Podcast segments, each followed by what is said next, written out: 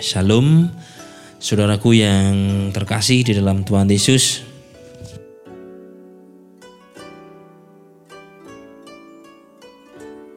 Kita ada sebagaimana kita ada. Itu semua karena anugerah Tuhan, karena kasih Tuhan. Apalagi dalam keadaan yang sukar hari-hari ini, kita ada semua karena penyertaan Tuhan. Dan ketika kita disertai Tuhan, maka Tuhan akan memimpin kita sehingga segalanya bisa kita lewati. Eh, kalau boleh saya katakan with God everything will be okay. Bersama dengan semuanya akan oke. Okay. Bukan berarti tidak ada tantangan. Tapi tantangan persukaran itu justru menjadi satu ritme, menjadi satu seni di dalam kehidupan kita sehingga kita justru akan semakin naik. Bapak Ibu Saudaraku yang dikasih Tuhan, hampir semua tokoh Alkitab yang dapat kita teladani, mereka mengalami masa-masa yang sulit dalam hidup mereka tetapi ada satu kesamaan bahwa kesulitan itu tidak menenggelamkan mereka. Kalau kita perhatikan, kesulitan itu justru menjadi batu loncatan untuk naik lebih tinggi. Jadi ibarat mendaki bukit. Batu-batu yang ada di jalan itu dapat menjadi batu loncatan agar kuat berpijak. Saudaraku yang dikasih Tuhan, kesukaran itu juga dapat menjadi batu loncatan untuk naik lebih tinggi. Tapi kesukaran juga dapat menjadi batu berpijak agar kita jadi kuat. Maknanya adalah kesukaran itu dapat menjadi batu loncatan untuk kita bisa naik lebih tinggi. Jadi ketika Tuhan izinkan kita mengalami kesukaran, kita kita malah dapat naik kita bisa memanfaatkan kesukaran itu sebagai satu kesempatan untuk kita naik. Dalam masa yang sukar itu kita melihat peluang dan kita gunakan. Sehingga kita mengalami keuntungan bukan tenggelam. Ada tipikal orang ketika dalam masa sukar dia hanya melihat kesukaran sehingga dia tidak melihat peluang sehingga akhirnya dia tenggelam. Tapi ada orang yang bisa melihat peluang di dalam kesukaran sehingga dia memperoleh keuntungan. Nah, jadi kesukaran itu justru bisa menjadi satu loncatan untuk dia mengalami keuntungan. Tapi sisi yang kedua bahwa kesukaran itu juga jadi batu pijakan agar kita jadi kuat. Karena apa? Karena kesukaran itu membentuk kita agar kita menjadi matang dan berhikmat. Kalau boleh dikatakan kesukaran itu menjadi alat untuk memproses kita.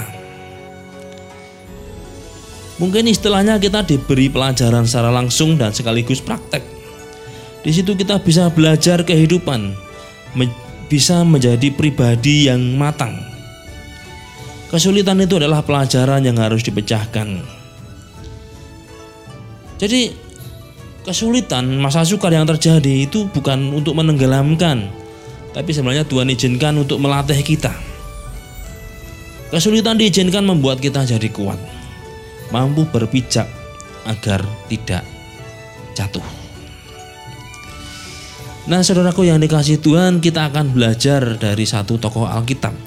Ketika dia diizinkan mengalami masa yang sukar dalam dirinya, justru dia meloncat naik lebih tinggi dan kesukaran yang dia hadapi, kesulitan yang dia alami, justru menjadikan dia menjadi pribadi yang matang. Nah, tentunya di tengah masa sukar yang terjadi hari-hari ini, Tuhan inginkan kita bukannya tenggelam. Di tengah masa sukar yang Tuhan izinkan terjadi di bangsa kita, di bangsa-bangsa hampir di seluruh dunia, Tuhan inginkan anak Tuhan justru menjadi pribadi yang semakin kuat, pribadi yang semakin matang dan kesukaran itu menjadi batu untuk dia meloncat naik lebih tinggi. Nah, kita akan belajar dari Yusuf. Nah, kita akan membaca firman Tuhan di dalam kitab Kejadian pasal 39 ayat 1 sampai ke 5 saja. Nah, saya akan membacakan firman Tuhan di dalam kitab Kejadian pasal 39 ayat 1 sampai 5 dan Lembaga Alkitab Indonesia memberikan judul yaitu Yusuf di rumah Potifar. Firman Tuhan mengatakan demikian. Adapun Yusuf telah dibawa ke Mesir dan Potifar seorang Mesir pegawai istana Firaun, kepala pengawal raja, membeli dia dari tangan orang Ismail yang telah membawa dia ke situ. Tetapi Tuhan menyertai Yusuf sehingga ia menjadi seorang yang selalu berhasil dalam pekerjaannya. Maka tinggallah ia di rumah tuannya orang Mesir itu. Setelah dilihat oleh tuannya bahwa Yusuf disertai Tuhan dan bahwa Tuhan membuat berhasil segala sesuatu yang dikerjakannya, maka Yusuf mendapat belas kasih tuannya dan ia boleh melayani dia. Kepada Yusuf diberikannya kuasa atas rumahnya dan segala miliknya diserahkannya kepada kekuasaan Yusuf sejak ia memberikan kuasa dalam rumahnya dan atas segala miliknya kepada Yusuf. Tuhan memberkati rumah orang Mesir itu karena Yusuf sehingga berkah Tuhan ada atas segala miliknya baik yang ada di rumah maupun yang ada di ladang. Saudaraku yang terkasih, kita sudah sering mendengar cerita tentang Yusuf ini. Dan saya percaya mungkin kita sudah begitu hafal dengan Yusuf ini. Nah kita akan belajar dari satu pribadi orang yang bernama Yusuf ini saudara. Yusuf ini arti namanya sangat bagus. Dan saya percaya tentunya bukan satu kebetulan. Ketika Yakub memberi nama kepada anaknya ini Yusuf dengan harapan nanti dia akan punya adik, akan ditambahkan. Saudaraku yang dikasih Tuhan, Yusuf memang bukan anak sulung. Tetapi bagi Rakel, mungkin istilahnya Yusuf itu anak sulung. Nah, dan kita tahu pada akhirnya Rakel ini punya anak lagi, tetapi ia meninggal. Dan anaknya itu diberi nama Benyamin ketika Rakel melahirkan dan dia meninggal. Jadi harapan bahwa nanti Tuhan akan menambahkan anak lagi itu kenyataan bagi Rakel dan Yakub walaupun memang kemudian Rakel meninggal di dalam kasih Tuhan. Nah, arti nama Yusuf adalah Tuhan telah menambahkan. Di dalam bahasa Inggris ini ditulis dengan kata past tense. Ya. Artinya sesuatu yang telah terjadi. Ketika Yusuf lahir, dia diberi nama Yusuf. Tuhan telah menambahkan. Mungkin kita berpikir, Loh ini kan baru terjadi satu keadaan yang sedang terjadi. Kenapa arti namanya adalah pasten? Karena Yakub menyadari, Yakub mengerti bahwa sudah menjadi keyakinan dia, sudah diputuskan Tuhan, diimani bahwa nantinya Yusuf akan punya adik, akan ditambahkan lagi. Maka dia mengatakan Tuhan telah menambahkan. Kalau boleh saya katakan ketika Yusuf lahir Yakub tahu bahwa Tuhan pasti menambahkan. Bukan hanya menambahkan seorang adik, tapi yang lain juga. Nah saudara ini kasih Tuhan dalam kenyataannya memang Tuhan menambahkan pada Yusuf. Tuhan bahkan menambahkan hal yang besar pada Yusuf. Yusuf memang mengalami kesulitan. Yusuf mengalami kesukaran. Dan yang dialami Yusuf itu bukan Hal-hal yang kecil, saudara. Dia dijual sebagai budak dari seorang yang tinggal di rumah seperti istana diberikan jubah raja, jubah maha indah. Dan dia kalau boleh dikata sangat disayang oleh orang tuanya. Tapi sekonyong-konyong seketika keadaannya bisa berubah. Yusuf mengalami kesulitan, kesukaran. Tapi bahwa kesulitan yang dialami Yusuf, kesukaran yang dialami Yusuf itu tidak membatalkan rencana Tuhan atas Yusuf. Dan kalau kita perhatikan, kalau boleh saya katakan, kesukaran-kesukaran yang Yusuf alami itu justru mendekatkan Yusuf pada realita janji Tuhan. Kesukaran yang dialami Yusuf itu mendekatkan Yusuf kepada realita apa yang sudah jadi rencana Tuhan.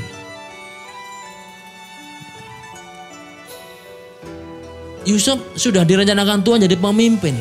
Itu bukan di Kanaan tapi di Mesir. Maka Yusuf harus sampai di Mesir. Walaupun sampai di Mesir, Yusuf melewati yang namanya proses sebagai budak. Tapi kita melihat bahwa Yusuf mendekati rencana Tuhan. Kenapa? Di satu tempat yaitu di Mesir. Kesukaran-kesukaran yang terjadi itu sebenarnya ketika Tuhan izinkan kita alami itu bisa mendekatkan kepada yang namanya rencana Tuhan. Kalau boleh saya katakan kesukaran itu, kesulitan itu menjadi batu pijakan. Batu pijakan agar Yusuf makin kuat.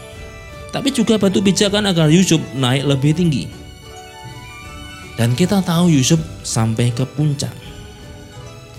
Yusuf menjadi seorang penguasa. Kesukaran-kesukaran yang dia alami itu mendekatkan Yusuf pribadi ini kepada yang namanya rencana Tuhan yang indah. Saudaraku yang terkasih, hari ini mungkin kita diizinkan masuk di dalam masa yang sukar. Tapi mari kita pegang bahwa rencana Tuhan itu tidak dapat dibatalkan oleh kesukaran yang terjadi. Justru masa sukar yang terjadi hari-hari ini itu bisa menjadi batu loncatan untuk kita naik lebih tinggi. Maka mari kita mempunyai cara pandang yang benar. Kita tidak melihat, wah ini kesukaran, usaha ini susah, usaha itu susah. Saudara kasih Tuhan, mari kita melihat bahwa kesukaran itu bisa membentuk kita. Tuhan izinkan kesukaran datang, itu memproses kita menjadi pribadi yang matang, pribadi yang kuat pribadi yang lebih bijak. Tapi kesukaran-kesukaran yang Tuhan izinkan terjadi juga bisa membuat kita semakin mendekat dengan rencana Tuhan. Yusuf mengalami hal itu. Ketika dia datang di rumah Potifar menjadi budak, dia harus tinggal di satu tempat yang tidak enak. Dulunya di rumah dengan tempat tidur yang nyaman, dia harus tinggal di tempat-tempat sama seperti budak yang lain, tidak nyaman. Tapi saudara itu tidak menjadi kesukaran karena itu menjadi batu loncatan bagi Yusuf. Sehingga Yusuf dikatakan di sini dia diizinkan tinggal di rumah Potifar. Saudara, kalau boleh saya katakan hari itu sebenarnya identitas budak itu sudah lenyap dari Yusuf. Dia menjadi seorang yang diberi kuasa, menjadi bendahara. Kalau boleh sekarang ini dikatakan asisten yang diberi kuasa di dalam rumah. Dia punya kekuasaan untuk mengatur rumah tangga seseorang dan dia digaji. Hari itu Yusuf sebenarnya sudah dalam pribadi yang menyenangkan, yang enak lebih dari sebelumnya. Jadi kesukaran yang terjadi tadi itu justru menjadi batu loncatan untuk Yusuf, dia naik. Tapi juga membuat pribadi Yusuf semakin matang, karena Yusuf bisa belajar, Yusuf bisa mengerti, Kesukaran yang terjadi tidak membuat Yusuf membenci kakak-kakaknya, tapi dia justru menjadi satu pribadi yang matang. Jadi arti nama Yusuf Tuhan menambahkan. Kita lihat di sini Tuhan menambahkan dengan pengalaman-pengalaman.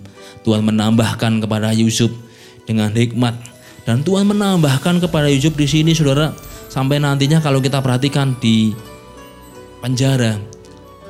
Tuhan menambahkan kepada Yusuf sehingga Yusuf dapat menafsirkan mimpi. Kesukaran yang Yusuf alami tidak membatalkan rencana Tuhan. Dan Tuhan tetap menambahkan. Mari kita sudah dikasih Tuhan sebagai anak-anak Tuhan. Kita pegang. Tuhan yang disembah Yusuf adalah Tuhan yang sama yang sudah menyatakan diri dalam nama Yesus. Kesukaran yang terjadi hari-hari ini bukan untuk melemahkan orang percaya. Tapi Tuhan izinkan itu justru untuk membawa orang percaya makin mendekati kepada realita rencana Tuhan. Dan yang kedua, membentuk anak-anak Tuhan menjadi pribadi yang tangguh, pribadi yang kuat. Seseorang supaya dia bisa kuat tentunya harus berlatih. Dengan latihan beban, dengan olahraga, Akhirnya otot-ototnya kuat. Demikian juga dengan kehidupan. Kesukaran itu adalah sesuatu yang Tuhan izinkan untuk melatih kita menjadi pribadi yang kuat. Di samping dengan yang lain.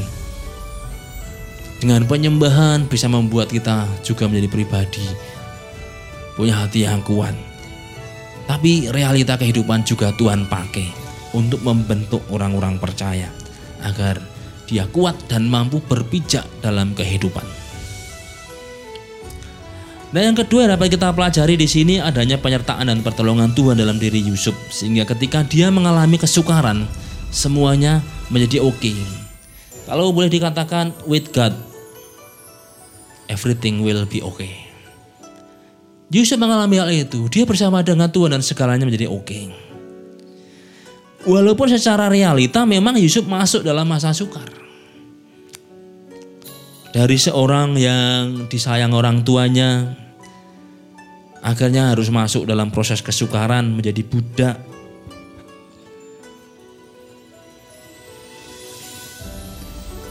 Karena kasih Tuhan, kalau boleh saya katakan ketika Yusuf di rumah ini, dia sudah seperti tuan. Dia anak Yakub, anak yang dikasihi, Yakub punya banyak budak. Dan tentunya Yusuf ini seperti tuan bagi para budak. Tapi hari itu saudara, yang terjadi dalam diri Yusuf berkebalikan 180 derajat. Dia justru menjadi budak. Dan itu masalah. Kenapa? Dalam kondisi seperti ini bisa mempengaruhi psikologi seseorang. Ketika orang tidak siap mengalami atau menerima kenyataan yang seperti Yusuf tadi, orang itu bisa gila. Tapi Yusuf tetap eksis. Yusuf tetap bisa bertahan. Justru kesukaran itu membuat Yusuf menjadi pribadi yang matang. Nah, saya percaya tentu itu semua karena pertolongan Tuhan. Adanya penyertaan Tuhan. Nah, di sini saya mau melihat bahwa penyertaan Tuhan ini bukan semata-mata membuat Yusuf berhasil. Tapi pertama-tama justru kita melihat bahwa penyertaan Tuhan itu membuat Yusuf itu mampu menjalani kesukaran yang dia hadapi. Sebab dari seorang yang tuan dan harus menjadi budak itu bukan perkara yang mudah. Ada seseorang yang ketika masa-masa pemilihan misalkan pemilihan anggota legislatif dia sudah mengeluarkan banyak dana dan ternyata tidak terpilih. Tidak siap kondisi akhirnya menjadi gila. Itu terjadi sudah karena nggak siap secara psikis akhirnya mengalami gangguan kejiwaan nah, Yusuf mengalami kondisi seperti yang seperti itu juga dari seorang yang ada di atas sebagai tuan, dia harus jadi budak. Dari yang dilayani harus melayani. Dan nilai budak pada masa itu itu hanya sebatas seperti perkakas kehidupan rumah tangga. Bisa disamakan mungkin seperti cangkul kalau itu budak di ladang. Seperti peralatan rumah tangga yang lain, kompor atau yang lain. Jadi budak belian itu tidak dianggap seperti manusia, Yusuf mengalami seperti itu. Dalam kondisi seperti ini itu bisa sangat berpengaruh pada psikologi seseorang dan kalau orang itu tidak siap maka dia bisa mengalami gangguan kejiwaan, stres, kecewa, menyalahkan orang lain, bahkan menyalahkan Tuhan. Tapi kalau Yusuf bisa eksis, Yusuf bisa bertahan, semua karena penyertaan Tuhan di dalam diri Yusuf. Penyertaan Tuhan itu ke dalam pribadi Yusuf sehingga jiwa Yusuf kuat. adanya penyertaan Tuhan membuat Yusuf dapat melihat dengan kacamata iman bukan realita fisik. Walaupun memang secara realita dia ada di, dia jadi budak. Tapi dia bukan melihat fisiknya. Dia melihat secara iman. Apa yang sudah Tuhan pernah sampaikan kepadanya melalui mimpi.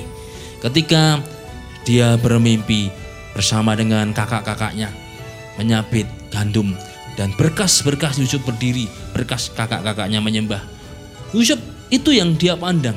Ketika dia bermimpi, matahari dan bulan setelah sebelas bintang menyembah dia. Yusuf melihat janji Tuhan.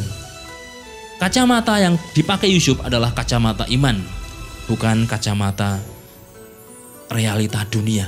Sebab realitanya Yusuf mengalami kesukaran. Tapi kacamata iman Yusuf mengarahkan kepada janji Tuhan. Sehingga ketika Yusuf mengalami kesukaran seperti itu, dia kuat. Dan itu semua karena penyertaan Tuhan. Yusuf menjadi satu pribadi yang matang, saudara. Dan ini terbukti ketika kakak-kakaknya datang, Yusuf berkata, kamu memang mereka-rekakan yang jahat, tapi Tuhan mereka-rekakan untuk kebaikan. Kalau bukan karena penyertaan Tuhan, Yusuf nggak akan bisa eksis menghadapi penderitaan yang seperti ini. Saudaraku yang dikasih Tuhan, orang yang disertai Tuhan itu dimampukan untuk melihat bukan apa yang nampak di mata saja, tetapi dia dimampukan untuk melihat jauh ke depan. Orang yang disertai Tuhan, dia tidak takut dalam masa sukar. Ia mampu melihat peluang dan melihat jauh ke depan. Sebab di tengah masa sukar, orang yang disertai Tuhan justru dia bisa naik dan semakin matang. Kalau hari-hari ini banyak anak Tuhan mengalami yang namanya dampak dari wabah virus corona. Kesukaran terjadi. Ada orang mengatakan susah cari uang. Maka mari mintalah penyertaan Tuhan. Penyertaan Tuhan membuat kita kuat menghadapi keadaan yang terjadi hari-hari ini. Dan penyertaan Tuhan itu akan memampukan kita untuk melihat peluang, kesempatan di tengah masa yang sukar ini. Kita dikuatkan dan ditolong untuk mengerjakan dan akhirnya kita mengalami berkatnya. Sama seperti Yusuf, dia diberkati. Nah, kalau kita diberkati maka kemudian bagaimana? Tentunya kalau kita diberkati, ya kita harus menjadi berkat karena itulah panggilan kita. Ketika Yusuf diberkati, maka dia menjadi jalan sehingga Potifar diberkati. Ketika Yusuf diberkati dan dia menjadi jalan sehingga bangsa Mesir dan bangsa-bangsa yang lain tertolong. Yusuf disertai Tuhan dan Yusuf dikatakan berhasil dalam apa yang dikerjakannya. Hal yang sama ketika Tuhan menyertai kita, maka pekerjaan yang kita lakukan juga akan berhasil. Penyertaan Tuhan itu memungkinkan yang namanya roh hikmat, pengertian dan pengetahuan itu akan muncul, akan ikut bekerja, sehingga kita mampu bekerja. Kita bekerja dengan akal budi, dengan baik, karena ada berkat Tuhan di dalamnya. Ada hikmat, ada pengertian dan pengetahuan di dalam akal budi kita. Karena kita mengatakan bahwa takut akan Tuhan adalah permulaan pengetahuan. Nah, orang yang mengembangkan diri hidupnya untuk takut akan Tuhan, dia akan dipenuhi dipenuhi dengan yang namanya roh pengetahuan. Dan ini memungkinkan orang itu dapat belajar. Dia dapat mempelajari sehingga pengetahuannya akan bertambah hidupnya dipimpin Tuhan. Nah, orang yang seperti ini akan mudah mempelajari sesuatu, saudara. Kemampuannya terasah dan dia dapat dipercaya. Nah, Yusuf mengalami hal ini. Yusuf dia melihat Tuhan, melihat rencana Tuhan. Dia memandang apa yang sudah Tuhan janjikan. Walaupun realitanya dia harus tinggal di tempat para budak. Walaupun realitanya dia harus masuk penjara. Walaupun realitanya dia dijual kakak-kakaknya. Realitanya juga dia pernah dilupakan oleh juru minuman. Tapi justru Yusuf tidak tenggelam. Yusuf bisa belajar dari segala realita tadi. Sehingga Yusuf diberi kepercayaan. Ketika Yusuf di rumah Potifar, maka dia dipercaya oleh Potifar. Kenapa? Tentu ada alasan ketika Potifar mempercayakan semua miliknya kepada Yusuf. Karena apa? Dia melihat Yusuf cakap. Nah, orang yang cakap itu kan harus belajar. Yusuf tidak bisa langsung tahu diinstal seperti komputer. Dari lahir tidak, tapi Yusuf bisa mempelajari. Mungkin ketika dia masih di rumah, dia melihat para budak yang ada di rumahnya. Dan ketika di rumah Potifar, dia mulai mempelajari dan mengefektifkan pengetahuannya. Dan dia belajar. Penyertaan yang Tuhan berikan kepada Yusuf membuat Yusuf ini penuh dengan hikmat dan pengetahuan sehingga ketika dia belajar sesuatu di tempat yang baru, dia bisa dengan mudah mempelajari. Dan akhirnya kita tahu Yusuf dipercaya atas segala harta milik Potifar. Dia punya kuasa dikatakan seperti itu. Proses yang Yusuf alami membuat dia naik. Tapi dia juga mempelajari apa yang terjadi Kesukaran itu membuat Yusuf mempelajari kehidupan. Begitu juga ketika di penjara. Yusuf ber, bergaul dengan tahanan, tahanan raja, bukan tahanan biasa. Tahanan raja karena Yusuf ditahan di tempat tahanan raja. Di situ Yusuf bertemu dengan orang-orang dan Yusuf bisa mempelajari kalau di rumah Potifar dia memanage rumah tangga. Dia belajar memanage rumah tangga. Tapi ketika di penjara, dia belajar memanage manusia. Dan kita tahu Yusuf akhirnya berhasil, dia diberi kuasa, kepercayaan oleh kepala penjara. Kalau boleh saya katakan bahwa setiap realita kehidupan yang terjadi dalam diri Yusuf itu membuat Yusuf belajar tentang yang namanya memanage, manajemen, baik manajemen tentang keuangan ketika di rumah Potifar, memanajemen tentang rumah tangga, tapi juga manajemen manusia. Memanfaatkan manusia artinya memberdayakan manusia, sumber daya. Ketika Yusuf di penjara, dia belajar hal itu. Sehingga Yusuf diberi kepercayaan. Kenapa? Yusuf mampu mengendalikan orang-orang yang ada di dalam penjara. Dia belajar. Orang yang disertai Tuhan, dia akan diberikan oleh Tuhan hikmat dan pengetahuan supaya dapat mempelajari. Nah, kemampuan Yusuf terasah waktu demi waktu. Di rumah Potifar akhirnya Potifar diberkati. Di tempat penjara akhirnya kepala penjara mempercayakan semuanya pada Yusuf. Dan ketika di istana Firaun, Firaun pun mempercayakan Mesir kepada Yusuf. Yusuf menjadi kepala pemerintahan dan Firaun jadi kepala negara. Kalau tadinya yang terjadi Firaun itu kepala negara dan kepala pemerintahan, tapi semenjak Yusuf datang, maka saudara istilahnya yang tadinya monarki absolut jadi monarki parlementer. Kenapa? Yusuf jadi perdana menteri, Yusuf yang mengatur pemerintahan dan Firaun hanya duduk dia sebagai kepala negara. Yusuf sudah belajar memanajemen orang-orang di penjara. Dan ketika dia waktunya tiba dia bisa menggunakan orang yang disertai Tuhan akan diberikan kemampuan untuk belajar dari apa yang terjadi supaya dia bertambah kuat dan berhikmat. Dan mengambil keuntungan dari keadaan yang terjadi tadi supaya dia bisa menjadi berkat seperti Yusuf. Dia jadi berkat bagi Firaun, Mesir, jadi berkat bagi Potifar, jadi berkat bagi kepala penjara. Jadi penyertaan Tuhan itu memungkinkan kita menjadi berkat. Kita diberkati dan akhirnya kita jadi berkat bagi yang lain. Kita tidak akan tenggelam, tapi eksis bahkan naik.